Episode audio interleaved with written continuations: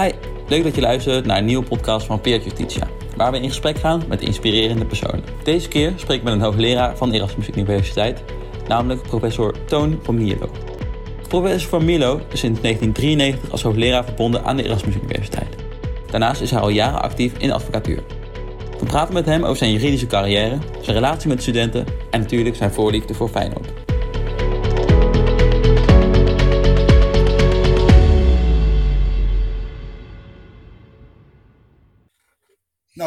Meneer Van Mierlo, hartstikke fijn dat u eh, bij ons wil aansluiten deze middag. U bent hoogleraar aan zowel de Rijksuniversiteit Groningen en de Erasmus Universiteit Rotterdam. Als u de Groningse Universiteit en Erasmus Universiteit met elkaar vergelijkt, waarom is Feyenoord dan beter dan FC Groningen? Nou, kijk, nu raak je meteen de snaar uh, bij mij. Feyenoord is gewoon het allerbeste. Dat blijkt niet altijd in de resultaten, maar dat zijn we wel. En waarom Feyenoord beter is dan Groningen, dat hebben we de laatste wedstrijd gezien. Het was 3-1 geloof ik. Hè? Dus, uh, ja, klopt. Nee, qua universiteit, dat is wel het grappige. Um, ik zit al sinds 1993 aan de Universiteit van Rotterdam. Dus ik ben daar 1 september 93 begonnen. Uh, in Groningen zit ik veel korter. Daar ben ik pas in 2016 begonnen, omdat ik toen gedeeltelijk uit de advocatuur ging. En ik heb ook nog gedoseerd in Nijmegen, omdat ik daar gestudeerd heb. En het aardige van die universiteiten, het ontloopt elkaar allemaal niet zoveel. Uh, Rotterdam is een beetje meer van aanpakken. Uh, Nijmegen is met name op het goederenrecht uh, heel erg goed. Ehm, als je naar Groningen kijkt, dan zie je dat je daar een hele sterke notariële afdeling hebt. En ik zit ook zelf in die vakgroep notariaat.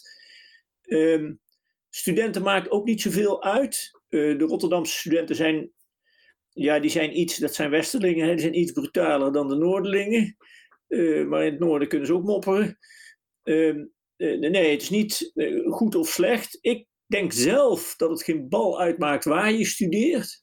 Het gaat er eigenlijk meer om hoe je studeert. En dan maakt het niet uit op welke universiteit je zit.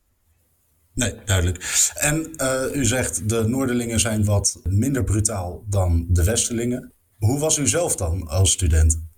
Geweldig brutaal. Geweldig brutaal. Geweldig brutaal.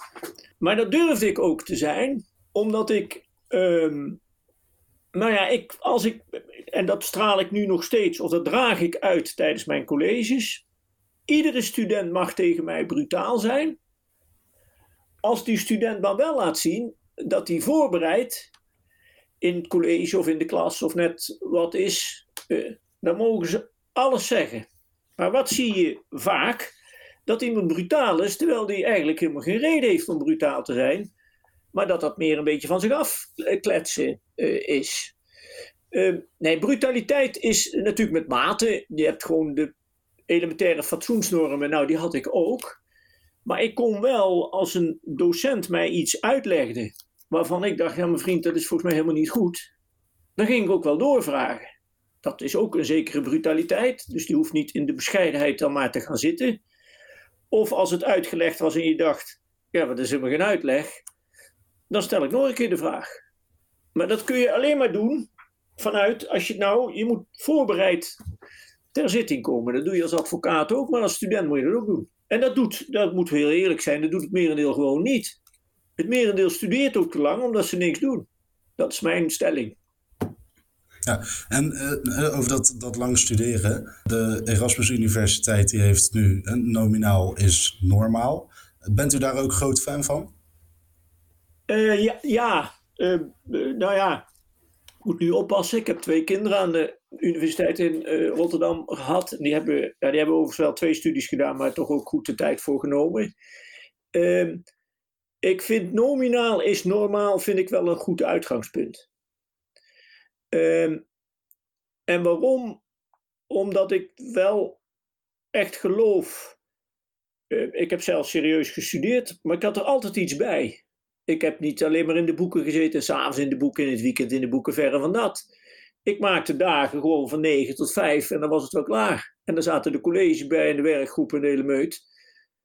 En ja, dan had ik wel ieder jaar drie maanden vrij, want in mei was voor mij het laatste tentamen en in augustus gingen we weer eens beginnen. En ik ben voorzitter geweest van de juridische faculteitsvereniging. Ik heb een boekencentrale opgezet met een omzet van 100.000 euro. Uh, ik heb alles gedaan wat ik kon doen. Te pas en te onpas naar Parijs als ik dat wilde. Uh, dus je hoeft niet. Kijk, als je regelmaat, met regelmaat, dan is dat nominale, dat haal je. Ja. Nou zal ik de laatste om te zeggen dat ik van iedereen zou vergen dat ze het in vier jaar moeten doen. He, er mag best een jaartje vertraging in zitten, maar maak er dan een nuttig jaar van. En niet een jaar uh, ja, nou, ik doe de eerste kans van burgerprocesrecht maar bij de herkansing, dus in de tweede ronde. En als het dan niet lukt, doe ik het ergens in december. Ik weet niet precies wanneer het gaat. Ja, dan ben je alleen maar aan het kloten met je studie. En dat moet je niet doen. De studie is een verplichting. Als je die lean en mean inricht, gewoon regelmaat, dan heb je eigenlijk enorm veel tijd over. En hoe, lang heeft u uh, zelf gestudeerd? Ja, daar ben ik heel trots op. Het was een oud curriculum, hè. Toen was het gemiddelde zeven jaar studeren. Het curriculum duurde vijf jaar en ik heb het in vier jaar en negen maanden gedaan. Maar daar was een reden voor, daar moet ik wel eerlijk zijn. Er was een reden voor. Ik deed mijn laatste mondelinge examen, uh, opa verteld, ergens in juni 1981. En toen moest ik mijn scriptie, die was, daar was ik bijna mee klaar. En toen zei de professor, dat was een uh, hoogleraar internationaal privaatrecht, die zei: Waarom solliciteert u niet bij collega van de Grinten? En dat was de professor burgerlijk recht. Um, en toen zei ik: Ja, wat moet ik daar dan doen? Nou ja, wetenschappelijk medewerker, dus dan ben je docent en dan moet je promoveren. Ja, en toen, ik had gedacht, ik studeer ergens in september, oktober af. En toen moest ik dus voor de zomervakantie afstuderen. En toen ben ik dus begin juli, ik was van mijn jaar samen met iemand anders, die via LinkedIn berichtte die mij net, heb je gerealiseerd dat wij volgend jaar 6 juli 2021, 40 jaar geleden zijn afgestudeerd. En dat waren de eerste twee van een jaar. Dus ik heb het, ik heb het wel nominaal gedaan, maar niet alleen maar in de boeken gezeten. En op die manier bent u ook eigenlijk het, het hoogleraarschap ingerold. Het klinkt gek, maar het is echt allemaal toeval. Uh, doordat die professor internationaal privaat zou u niet solliciteren.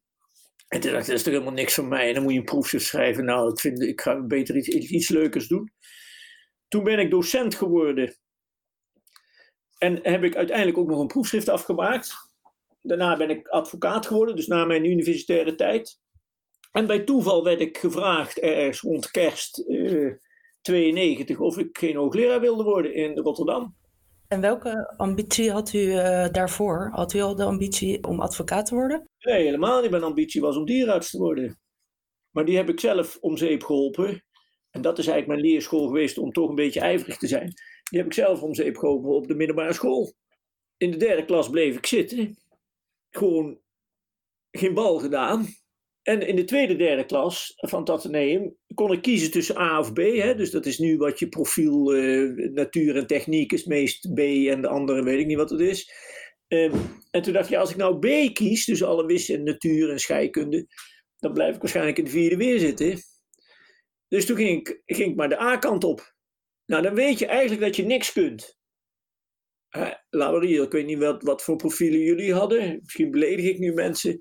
Maar ja, dan weet je eigenlijk, ja, dan kan ik onderwijzer worden of ik kan docent worden, aardrijkskunde, geschiedenis. En toen een vriendje, zijn vader was notaris. En ja, dat leek me wel leuk.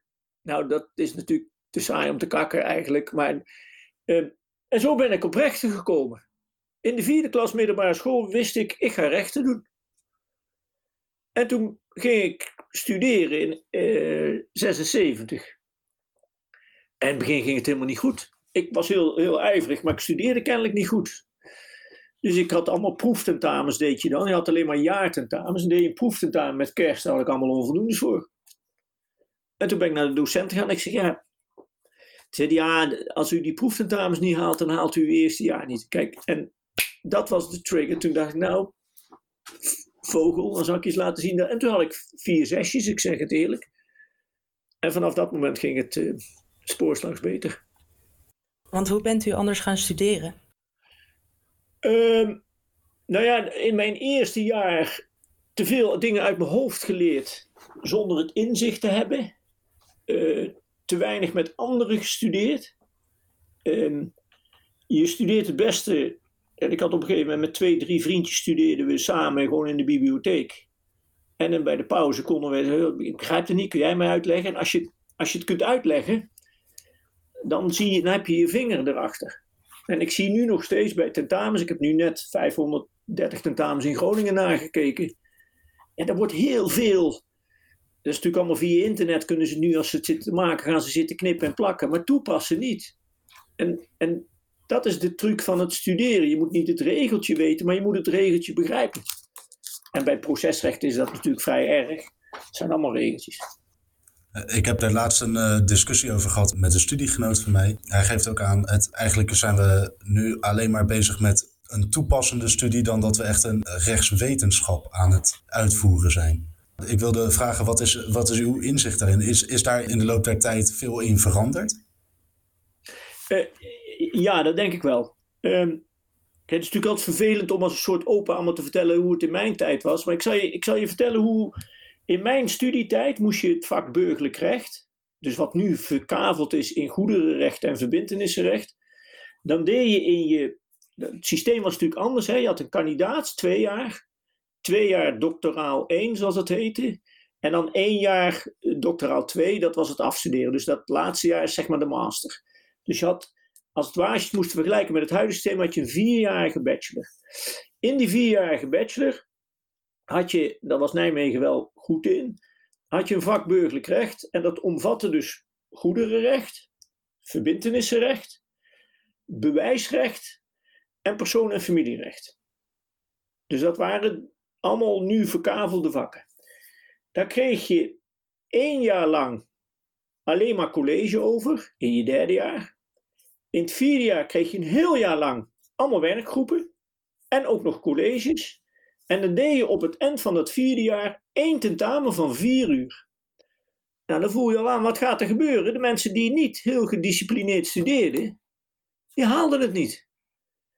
En ik had de mazzel dat ik samen met die vriendjes wel gedisciplineerd had gestudeerd. En ik haalde en ik was per ongeluk hoor, de beste van mijn jaar. En dan val je ineens op. En wat leerde je daar? Daar leerde je niet alleen maar de regels, maar als je zo'n hand. Kijk, het is een handboek, het is eigenlijk geen studieboek.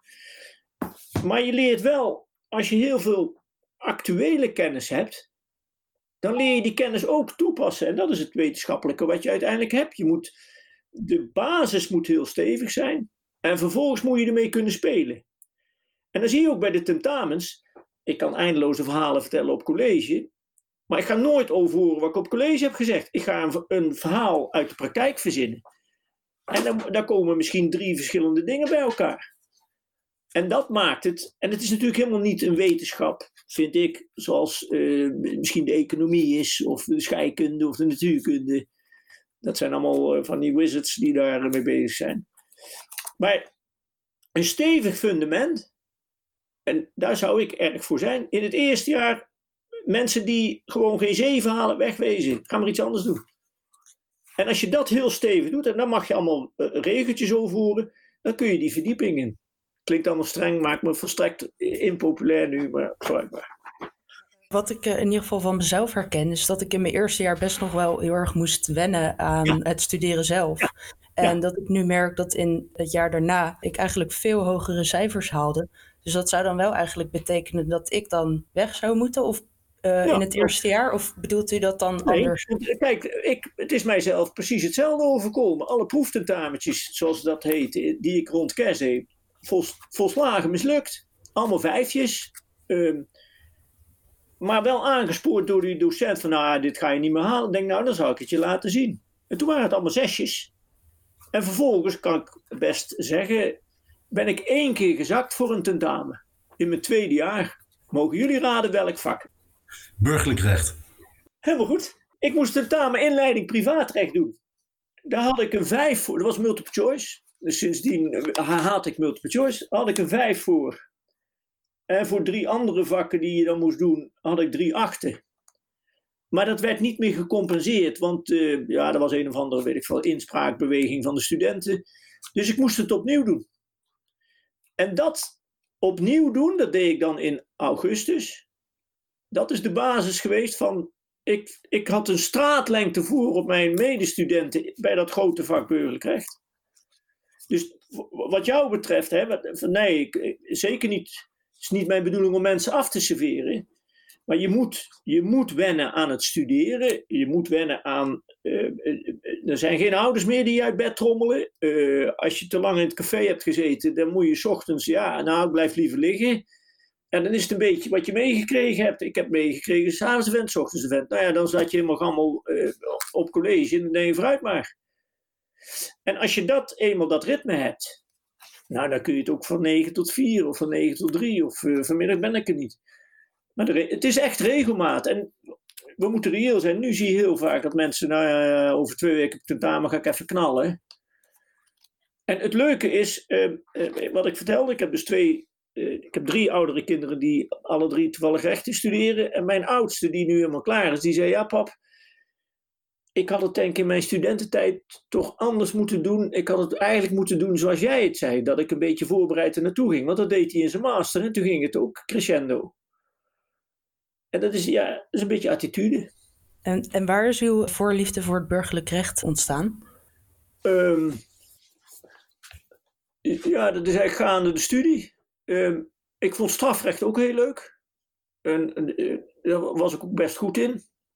Heel veel dingen van strafvordering begreep ik niet, maar toch uiteindelijk op tentamen ging het allemaal wel goed. En op enig moment in die studie was dan dat recht, dat was zo'n zo'n struikelvak voor mensen.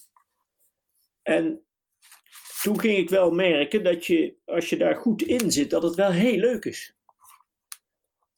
Ja, en dan is het, ja, dan blijf je erin hangen.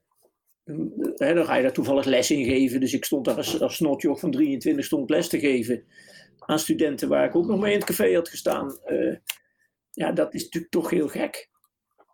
En dan op een gegeven moment zie je weer leuke dingen. Was allemaal materieel recht.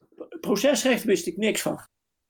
Nou, als we kijken naar, u gaf aan, het is belangrijk om die, die verbinding te hebben tussen de student en de hoogleraar. De student die, die mag even ja, zogezegd brutaal zijn Zeker. om vragen te stellen en dergelijke. Hoe ervaart u dat nu als hoogleraar tijdens deze coronatijden? Dat u niet meer fysiek op een uh, podium staat om het verhaal te vertellen en dat in de pauze even iemand langs kan komen. Ja, hoe, is... hoe lost u dat op? Nou ja, A, dat hebben we nu. Uh, hè, want ik geef nu alleen nog maar procesrecht. Ik heb dus, toen ik begon in Rotterdam gaf ik goede recht, heb ik inleiding privaatrecht gegeven en gaf ik ook procesrecht. Nu geef ik alleen omdat ik nog maar één dag verbonden ben procesrecht. Uh, het hele procesrechtonderwijs hebben we nu noodgedwongen natuurlijk omgegooid. Dus ik heb de voorbije weken twaalf webcasts opgenomen. Gewoon via Zoom en Panopto. En dat, dat staat allemaal al klaar voor de studenten. Dus ik heb alle, alle colleges heb ik ingesproken. En om toch weer een contactmoment in te bouwen, hebben we twee dingen bedacht. Eh, de zogenaamde casus van de week. De studenten kunnen gewoon thuis een casus voorbereiden. En bij voorkeur ook het antwoord inleveren. En die gaan we dan bespreken, gewoon in een live sessie via Zoom.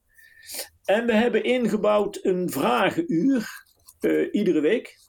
Uh, voor zowel voor het VMO, dus vrijdagmiddagonderwijs, als voor het dagonderwijs. En daar probeer je dan enigszins dat contact met studenten te krijgen.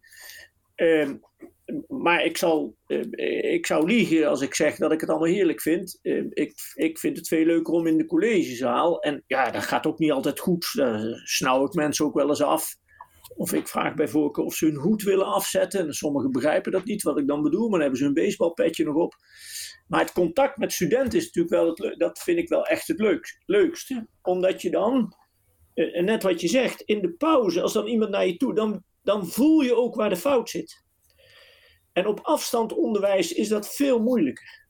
want dan, als dat, kijk, bij, bij zo'n Zoom-meeting, als daar 50 mensen, meer verwacht ik er niet van hoor, want meer zal zeggen, ik geloof het wel.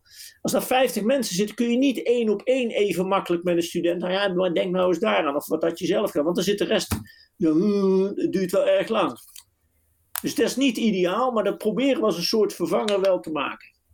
En hoe zou een uh, student dat dan op kunnen pakken om uh, die discipline die, waar u het ook eerder over had, die u had tijdens uw studie, nu juist tijdens zo'n zo'n moeilijke periode als een corona-periode, uh, dan nog hoe ziet u dat voor zich dat een student zich hier kan, voor kan motiveren om die Zoom-sessies bij te zitten en om die casus te maken? Nou, dat, is, dat, dat herken ik zonder meer. Dat zal niet makkelijk zijn.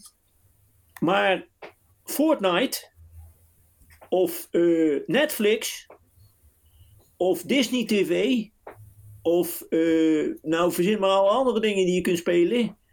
Dat loopt ook vrij aardig. Dat gaat ook door. En eh, draai het dan, zo, draai het dan om. Dan zeg je nou, een stukje van mijn leven als student is, ja, ik studeer. Dus laat nou een gedeelte van die tijd eraan besteden. Als je, ik denk als je aan burgerlijk, dat is heel gevaarlijk wat ik nu zeg, maar als je aan burgerprocesrecht iedere week drie dagen van de week een uurtje besteedt, maar dan serieus, hè, ook gewoon met verstand en in je wetboek kijken, dan haal je dat vak met je, met je neus dicht, met je ogen dicht. Maar dat, ja, maak voor, jullie zijn natuurlijk heel enthousiast en harde werkend student, maar maak maar eens je mind op na een dag studeren. Wat heb ik nou eigenlijk gedaan? In advocatuur leer je, dan moet je je tijd schrijven. Want hè, elke zes minuten moet je opschrijven wat je gedaan hebt. En in het begin, dat is net met studeren. In het begin heb je de hele dag zitten kloten op, op zo'n stukje. En je denkt, jee, ben ik dan na zoveel tijd? Maar dan word je wel aware wat je doet. Hou het maar eens voor jezelf een beetje bij. En hoef je helemaal niet... Eh, Neurig moet je niet worden. Dat is, daar word je helemaal niet gelukkig mee. En dat, dat is het niet. Maar een beetje discipline kan best. Dus time management en discipline. Ja. En, en als, u wat, uh, als u wat zou wil, uh, willen veranderen aan, uh, aan de student, hoe zou u dat dan aanpakken? Nou, ik zou, ja, dan weet ik niet of ik iets zou willen veranderen aan de student. Ehm, ik zeg het nu wel eens. Een student moet, moet zich realiseren dat hij er voor zichzelf zit. Hij zit er niet voor mij. Dat klinkt heel lullig. Eh, ik ben afgestudeerd. Ik heb mijn kostje gekocht in de zin van ik heb een baan en eh, nou prima. En ik ben ingehuurd om jou verder te brengen. Maar dat kan alleen maar net als met dansen. Dan moet je met z'n tweeën doen. Als ik in een hol vat allemaal kennis zit te stoppen, heeft het niet zoveel zin. Dus als, als ik nou mijn ideale student is eh, de gezellige mensen die gewoon joviaal zijn, die gedreven gedrevenheid, dat is het, gedreven zijn en zien dat ze het voor zichzelf doen. En niet voor papa of mama die maandelijks of niet maandelijks uh, centjes of die een keertje vragen: God, uh, Sophie, hoe gaat, het, uh, hoe gaat het eigenlijk met de studie? Maar meer voor jezelf, omdat je dan ja, wat jullie nu als student zijn, zijn jullie over tien jaar zijn jullie in mijn positie dat je in de maatschappij een rol hebt te vervullen. En die wil je zo goed mogelijk doen. En ik ben ervan overtuigd dat iedere student die bij ons binnenkomt, die zijn middelbare school met een beetje fatsoen en misschien met niks doen, dat komt ook voor, heeft gehaald, die kan zijn studie ook wel halen. En dan is het jammer, dat, dat, gaat, dat gaat me echt te hard. En ik heb één keer een evaluatie gehad en dat heeft me enorm gegriefd. Er had een student gezegd dat ik geen hart heb voor de studenten. Ik denk, nee, ik heb juist ontzettend hart voor de studenten. Van die 400 hoop ik echt dat alle 400 hartstikke goed door de studie heen gaan. Maar ja, dan moet je, dan moet je ook een beetje aan de spelregels houden. En daar zou ik, als ik nou mocht veranderen, als ik dat nou zou kunnen sturen. Ben bewust, je hebt een hartstikke mooie tijd. Je hoeft niet keihard te werken maar wel met regelmaat. En je doet het voor jezelf. En daarmee later voor de maatschappij. En denkt u dat, uh, u, had het, u had het er net, uh, hadden we het heel kort eventjes over de, uh, de manier waarop gestudeerd wordt. Denkt u, in, in, op de Erasmus Universiteit hebben wij blokken van vijf weken. Dat is vrij kort om echt een verdieping in te gaan. Dus het, het wordt ook gewoon in die paar weken wordt het gewoon heel erg stampen. Ja. U doseert uh, ook aan de Rijksuniversiteit van Groningen. Is het daar anders? Ja, daar hebben we. Um, daar is het ook wel in blokken opgedeeld, het onderwijs. En die blokken is denk ik iets vanuit de studeerbaarheidsgedachte. Als ik jullie vijf weken bezig hou, of vier weken is het geloof ik, hè, met burgerprocesrecht Ehm, dan gaan we ervan uit, nou ja, dat in die vier weken wel iets blijft hangen. Dan doe je tentamen. maar het bezinkt niet. Het blijft wel hangen, maar het bezinkt niet. Ehm, vroeger was het een jaar studeren. Ik weet nog, ja, ik weet nog dingen uit mijn studententijd over strafrecht of over belastingrecht. Of, omdat dat meer blijft hangen. Dus dat is een nadeel van het bloksysteem. Dat je het bloksysteem wel moet doen, is heel begrijpelijk. Ik zat in een cohort van 150 studenten. Dat was Nijmegen Kleine Universiteit. We zitten er nu met 700, 800 geloof ik dat we beginnen. Dus je moet er iets aan, je moet ze er doorheen jagen. Maar soms heb ik het idee dat het door, doorheen jagen meer is gerelateerd aan we moeten zorgen dat er genoeg mensen als output zijn. En dat leidt, daar leidt de kwaliteit onder, denk ik. Ja, want ik ben het, ik ben het met u eens. U was al vijf jaar advocaat en partner eh, geworden en koos er toen voor om die hoogleraarschap eh, te gaan doen. En toen heeft u dat aanbod gekregen om hoogleraar te worden. Ja. U gaf al aan, het was pure toeval. Maar wat heeft u gedreven om uiteindelijk toch te zeggen: ja, nou ja, dat is misschien toch wel wat voor mij. Terwijl u al bij een groot advocatenkantoor prima zat eigenlijk. Ehm, ja, dat is waar. Ehm, ik ben, ik ben dus vanuit Nijmegen ben ik naar uh, de Brouw gegaan in Den Haag. Dat was eigenlijk een vrij wonderlijke move. Ik kwam dus helemaal vanuit het oosten en ging naar eh, bijna de zee in, in het westen. Ik kende daar niemand op kantoor. Dat vond ik wel een uitdaging. Helemaal niemand. Het was bezaaid met uh, Leidse koolballen Ehm, dus die waren veel geslepener in hun tong. Ook in hun tongval was het natuurlijk anders dan uh, mijn zuidelijke tongval. Dus dat was uh, spitshoede lopen de eerste maanden in Den Haag. En ook allemaal opmerkingen krijgen over je zachte G. Totdat ik een keer tegen zo'n bekakte Haagse secretaresse zei: maar een zachte G is beter voor je stembanden dan een harde G. En daar hebben ze nooit meer iets over gezegd. Nou, toen ging het allengs beter. En toen uh, werd ik eerder beoordeeld om compagnon te worden. En dat, zoals je zei, dat, uh, dat liep allemaal goed af. Ik had er niet om gevraagd, maar het liep wel goed af. Dus ik was ingestemd en zou dan compagnon worden, want ik heb het uiteindelijk uh, niet geconsumeerd. Compagnon worden per 1, wanneer was het? 1 januari 94, denk ik. Maar in 93 gebeurde dat gekke, daar werd ik gevraagd om hoogleraar te worden. Nou, bij de brouw zat ik uitstekend. Ik had een goede pers en eh, allemaal leuke mensen om me heen. En een fijn kantoor en noem het maar. Toen hè, ik weet niet hoe het nu is, want ik ben er al lang weg. En toen, eh, toen kwam Rotterdam, Jan van Nee die belde. Dus dat was een vroeger hoogleraar verbindenissenrecht. En toen dacht ik, ik vind het eigenlijk hartstikke leuk. Maar waarom vind ik het leuk? Dat is gewoon ijdelheid. Het is, het is natuurlijk heel leuk als je je daarvoor vraagt. En ik vind het eigenlijk ook wel leuk om dat te doen.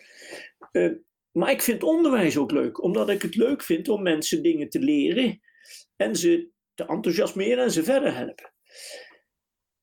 En toen dacht ik, ja, dat ga ik gewoon doen. Dat heb ik gedaan. Uh, negen jaar voltijds. En toen ging het weer een beetje kragen. En toen ben ik het gaan combineren. Ben ik weer teruggegaan naar de brouw.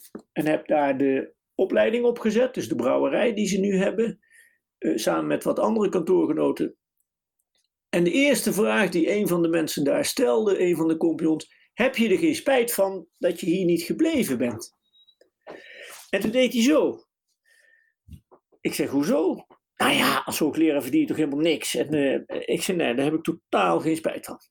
Ik zeg, ik denk dat ik in die negen jaar meer gezien heb en geleerd heb. En misschien minder geldelijk verdiend, maar geestelijk veel meer verdiend door hoogleraar te zijn.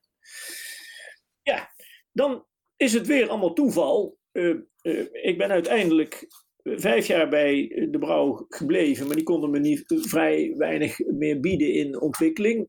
En toen ben ik met drie maanden of vijf maanden tijd compagnon geworden bij Nauta en dat ben ik twaalf jaar geweest. Of tien jaar geweest en twee jaar adviseur. Ik ben, ben bij Nauta uiteindelijk en weer gewoon in de procespraktijk precies hetzelfde. Toen heb ik altijd de hoogleraarschap één dag aangehouden in Rotterdam. En daar moet je uh, statutair op je zestigste gewoon met pensioen. Dus toen heb ik voorgesorteerd. En zo werd ik door Groningen gevraagd om daar procesrecht te komen geven. Ja, en dan allemaal weer toeval. Ja, en u zei, het begon toch weer te knagen, die advocatuur, na negen jaar hoogleraarschap. Wat begon ja. er te knagen? Wat, wat spreekt u aan in die advocatuur? Nou, als je nou. Ja. Neem eens in je hoofd als je loopt uh, op het universiteitsterrein. Ja? En dan loop je het L-gebouw uit en dan loop je naar de hoogbouw. Ja? En de hoogbouw is de fleurigheid van het universiteitsterrein. Grauw en grijs. En wat had ik na negen jaar universiteit voltijds? Uh, het was altijd over bezuiniging. Eigenlijk kon er nooit iets. Het onderwijs was nooit voldoende of te veel of noem het maar. Er was vrij veel gemopper. Zijn niet veel doeners aan een universiteit. En in de advocatuur is het een doener, want wat is daar je drive? Je cliënt zo goed en zo snel mogelijk helpen. En binnen dat raam kan er bijna alles. Nou, als je negen jaar daar aan de leiding hebt gestaan van zo'n club, ja, toen. Het, het begon op een hele rare manier. Ik werd door een of ander kantoor gevraagd of ik daar een kennismanagement instituut wilde opzetten. En toen dacht ik, ja, maar als ik nou terug ga in de advocatuur, hè, want het was een keer weer eens een nieuwe uitdaging, als ik dan terug ga in de advocatuur, ja, als je dan weer gaat voetballen, wil je eredivisie voetballen, niet in de eerste klasse. Dus toen dacht ik, dan zou ik toch wel weer naar mijn oude kantoor, daar ben ik niet met ruzie weggegaan. Ja, en dan zijn die contacten eigenlijk vrij snel gelegd en het was geloof ik met een week geregeld. En heb ik in het begin helemaal geen praktijk gedaan. Alleen maar dat, dat kennis, eh, de kennisverbreding, kennisdeling, modellen maken, opleiding verzinnen. En op een gegeven moment is het, krijg je wel weer een kick van, van gewoon zaken doen. En niet dat, dat zaken doen allemaal uh, gelukkig maken is, je, verliest ook zaken. Daar heb je, baal ontzettend van, maar je wint er ook wel eens een paar. En ja, dat is een beetje. Het is een, het is niet een gezapig leven wat je misschien op een universiteit wel hebt. Maar overigens zeg ik daar niks nadeligs mee. Uh, want het merendeel van de hoogleraren heeft allemaal advocatuurlijke ervaring. En die weten precies wat het is. Het nadeel van de advocatuur, dat vind ik nog steeds, is dat je, ja, daar ben je de dienstverlener in optima forma. Dus je hebt niet altijd de tijd om alles wat je op een universiteit wel kun je zeggen, nou ik ga de hele dag in de bibliotheek zitten en niemand mag me storen. Dat, dat kan niet in de advocatuur. En dat miste ik ook wel eens. En vandaar dat ik in die, in die combinatie altijd ook de universiteit achter de hand heb gehouden. Gewoon om de, de ruimte en de tijd voor jezelf in te bouwen om er eens even rustig iets te bekijken. En helemaal niet dat ik alles weet hoor, ik moet heel veel studeren. Is maar goed ook. En we hebben ook begrepen dat de arbitragezaken uw passie zijn. Ja. Kunt u daar iets over vertellen? Ja, dat is, uh, dat is een praktijk waar ik eigenlijk ingerold ben. Eerst uh, ja, als advocaat, gewoon een, een zaak behartigen. Niet bij een overheidsrechter, maar bij een particuliere rechter. Maar met het verstrijken der jaren uh, word je ook gevraagd: zou u niet eens een keer over onze zaak kunnen oordelen? Dus als bindend adviseur of als arbiter. En het leuke daarvan is, uh, als advocaat ben je een verdediger van een partijstandpunt. Dus je moet materieelrechtelijk inschatting maken hoe de positie is. Procesrechtelijk de inschatting maken, hoe moet ik het doen en wat is onze positie. Maar je bepleit altijd het optimum voor jouw cliënt. En dat optimum is niet dat je tegen beter weten iets, iets verdedigt, maar dat optimum is altijd gekozen aan één kant. Toen ging ik arbitreren, maar ik, ik was al als, uh, als jong advocaatje, dus in 92 zo, was ik rechterplaatsvervanger. En dan was ik rechterplaatsvervanger in wat toen nog de, bij de rechtbank, uh, wat toen de appellenkamer van de kantonzaken was. Want de kantonrechter die is nu geïntegreerd.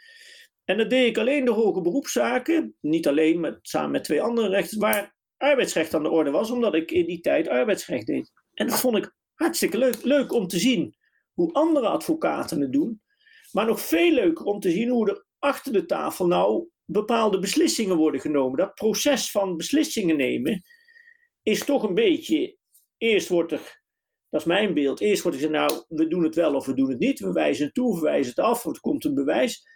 En dan vervolgens ga je met elkaar redeneren. En waarom vinden wij met z'n drieën dat we het moeten afwijzen? Dus we beginnen niet met de motivering, maar je begint met de beslissing. En dan ga je, wat, wat zijn nou onze argumenten? En dat vond ik heel leuk. Ehm, nou, dan kom je in de arbitrale wereld. Ja, daar is het net iets anders geregeld dan in de, in de uh, rechterlijke macht of als plaatsvervanger. Uh, daar ben je zelf, moet je het proces begeleiden, het proces leiden, uh, spelregels afspreken. Ja, en ik heb echt de leukste zaken gezien als arbiter. En gewoon dat je denkt, jongens, hoe verzinnen we het? En een speciale tak van sport is dan die sportarbitrage. Hè, waar het, uh, ja, dan voel ik me gewoon. Dat is natuurlijk een beetje een klein jochie die het leuk vindt omdat hij van voetbal houdt. Om dan eens kijken hoe dat in die voetbalwereld allemaal gaat. En wat zou de reguliere rechtspraak van arbitrage kunnen leren? Uh, ja, ik denk de snelheid van werken. Als je nu ziet wat in, in, de, in de arbitrage eigenlijk vrij standaard is. Als, als partijen een arbitrage beginnen, heb je vrij snel als arbiter of als arbiters spreek je, dat doen we nu allemaal via Zoom, een, maak je een pre-conference, pre-trial conference. Dus dan gaan we gewoon de, een regiezitting. Maken we afspraken over zes weken u eis, over zes weken u antwoord. Laten we nu meteen de mondelinge behandeling prikken. En dan proberen wij er binnen zes weken ook een klap op te geven. Dan zijn ze 24 weken uit en thuis, klaar. En het voordeel daarvan, dat is natuurlijk een nadeel bij de overheidsrechter. Het voordeel bij arbitrage is, daar is het meestal one shot. Het is geen hoger beroep. In de overheidswereld heb je wel hoger beroep. En het bewijsrecht kan net iets anders worden toegepast in arbitrage. Dus de, ik denk dat overheids, we hebben hartstikke goede overheidsrechters, maar die worden nu ja, door, een, uh, ja, door, door financiële redenen worden ze erg gekortwiekt dat het allemaal heel snel moet. Maar ze hebben zoveel te doen dat dat, dat niet altijd werkt. Het voordeel van arbitrage, met name in een internationale context, is natuurlijk dat je geen gezeur hebt bij welke overheidsrechter gaan we zitten. Als ik met een Engelsman contracteer, dan zal ik zeggen: ik wil niet naar die Engelse rechter. Die Engelsman zegt: ik wil niet naar de Nederlandse rechter. Oké, doen we een arbitrage. Neem één Nederlander, één Engelsman en een Fransman. Ik verzin maar wat. Dat is, dat is in het internationaal zaken doen nu een beetje bon ton. Dat is de alternatief eh, voor de alternatieve vorm van geschilbeslechting. Want anders moet ik naar een overheidsrechter. Een ander voordeel is, een arbitraal vonnis dat gewezen is, kun je in 140, 150 landen ten uitvoer leggen. Een overheidsvonnis, nou ja, maximaal 27 binnen de EU. En voor de rest moet je maar even hopen dat, dat er een verdrag is. Maar het is, kijk, de overheidsrechter eh, petje af hoor, voor die lui. Wat die allemaal verstouwen en wat ze, wat ze doen is geweldig. Want er zitten natuurlijk ook allemaal krum, eh, hè, relatief kleine zaken. Ja, die zullen nooit in arbitrage, want dan is arbitrage als instituut weer te duur. Dus we moeten het allebei hebben. Ja. En denkt u ook dat er uh, nog dingen zijn vanuit rechterlijke macht die de arbitrage kan meenemen en oppakken als verbeterpunt? Uh, ja, die zullen er ongetwijfeld zijn, maar dan weet ik weer te weinig van de recht, wat de rechterlijke macht allemaal doet. Uh, kijk, wat we, wat we bij arbitrage wel goed geregeld hebben, en dat komt nu in de rechterlijke macht ook, althans dat was de bedoeling. In de arbitrage wordt er gewoon met elkaar gemaild. Dus de arbiters of een secretaris uit de arbitragecommissie zoekt rechtstreeks contact met de advocaten. Dat is vlotter contact als het contact zoals het bij de overheidsrechtspraak gaat, waar alles via, rol, via de rol gaat, of het gaat allemaal via geformaliseerde brieven naar een griffie, waar het bij de griffie weer ligt. Ja, dat directere contact. En dat zie je nu dat de overheidsrechter dat overneemt. En daar kan de arbitragewereld wel iets van leren, want dat hele digitaal procederen is bij de overheid, ja, het is mislukt, maar dat was een hele goede gedachte. En dan zie je dat KNVB heeft dat nou een beetje geïntroduceerd. De Tamara, dus de, de transportarbitrage, uh, uh, heeft het perfect geregeld. NAI gaat er nu mee, mee aan de slag. En dat kunnen we wel leren van de overheidsrechters. Kijk, de insteek was goed, de uitvoer was alleen wat minder. Nou ja, dat heeft 200 miljoen gekost. Ja. Dus nagaan hoeveel studenten je daarvoor een beurs kunt geven. 200 miljoen gekost heeft niks opgeleverd, of bijna niks. Ja, ik, merk, ik merk nu zelf vanuit de praktijk dat er nu voor het eerst vroeg een griffier aan mij, zou u het willen mailen? Ja, ja, ja, nou dat is heel modern. En dan, ik denk dat dat komt door de coronatijd, dat, dat ze wel moeten. Ja, dat denk ik. Um, even terug naar uh, u als advocaat. Wat is uw grootste prestatie zoals u zelf ziet als advocaat? Ja. Dan ga je gauw denken aan de grootste zaak misschien. Um, die heb ik niet alleen gedaan, maar ik denk wel de mooiste zaak die ik ooit gedaan heb, is procederen tegen de staat over de Joint Strike Fighter. Daar traden wij, en ik was dan de lead counsel zoals dat heette, daar traden wij op voor de hele Nederlandse luchtvaartindustrie. Dus ik had 51 cliënten waar ik voor optrad. Tegen de Nederlandse staat. Waarbij het een, heel technisch aspect. Uh, de luchtvaartindustrie moest een bepaalde. Nee, de staat had een bijdrage betaald aan, het, aan de ontwikkeling van de Joint Strike Fighter, 800 miljoen dollar. En de staat had afspraken gemaakt met de luchtvaartindustrie dat als er omzet zou worden gegenereerd uit dat project door de luchtvaartindustrie, dan moest de luchtvaartindustrie een bepaald percentage van de omzet aan de staat betalen. Dus dat is gewoon een contractuele verplichting, recht toe, recht aan. Uh, maar dat percentage was wel vrij hoog. En toen is er, uh, dus vanuit de industrie zijn we gaan procederen. En toen hebben we dat percentage toch met 70% naar beneden weten te krijgen. En uh, ik weet niet of dat de reden is, maar uh, inmiddels vliegen ze, dus dat is op zich wel mooi. Ik denk dat dat, vond ik wel de, ook de spannendste zaak, denk ik, want het was natuurlijk enorm uh, belang. Maar ik denk ook met heel veel plezier terug aan een, een arme man, een berber, die als tomatenplukker was ingehuurd door een, nou, een malafide bedrijf wil ik niet zeggen, maar door een bedrijfje in Den Haag en die man die werd op een gegeven moment niet meer opgehaald en die kreeg zijn loon niet meer. Nou, daar hebben we voor geprocedeerd. Heb ik samen met een jongere kantoorgenoot gedaan. En dan gaat dat niet om de bedragen waar het bij zo'n joint strike fighter over gaat. Maar daar heb ik evenveel plezier van. Sterker, dat zouden zou zaken zijn die, al moet tot de hoge raad, ik reken niks voor, die man, die wordt onrecht aangedaan. Dus ook de zaken waar echt het onrecht speelt, vind ik wel heel prettig om dat te doen. Ja. En heeft u dan uh, heeft u ook een uh, blunder begaan als advocaat die u nog is bijgebleven? Zeker. Ik heb dus een enorme beroepsfout gegaan, begaan. Die was wel vrij pijnlijk. Want die zat op het snijvlak tussen het goederenrecht en het procesrecht. Dan is het wel vrij lullig als je als verantwoordelijk advocaat gewoon iets over het hoofd had gezien. Um, maar ja, daar ben je nou voor verzekerd. Dat ja, kan, kan ik niet anders zeggen. Um, andere ik, ik, ik, het is een mijnenveld van blunders. Ik heb ook wel eens zaken verloren, denk ik, omdat ik iets te arrogant was in de rechtszaal. Dat ik iets te brutaal was, tussen aanhalingstekens. Uh, dus gewoon niet goed, goed gepresenteerd, of mezelf niet goed gepresenteerd.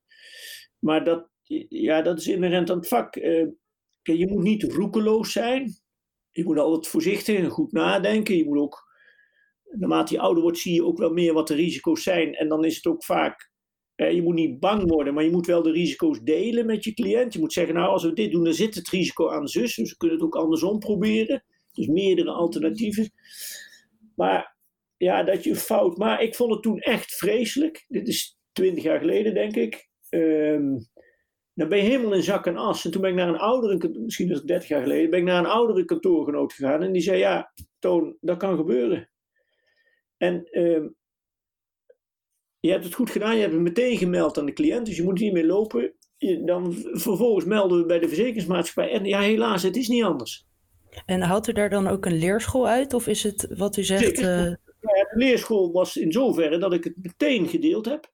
Met, met de club waar ik deel van uitmaakte.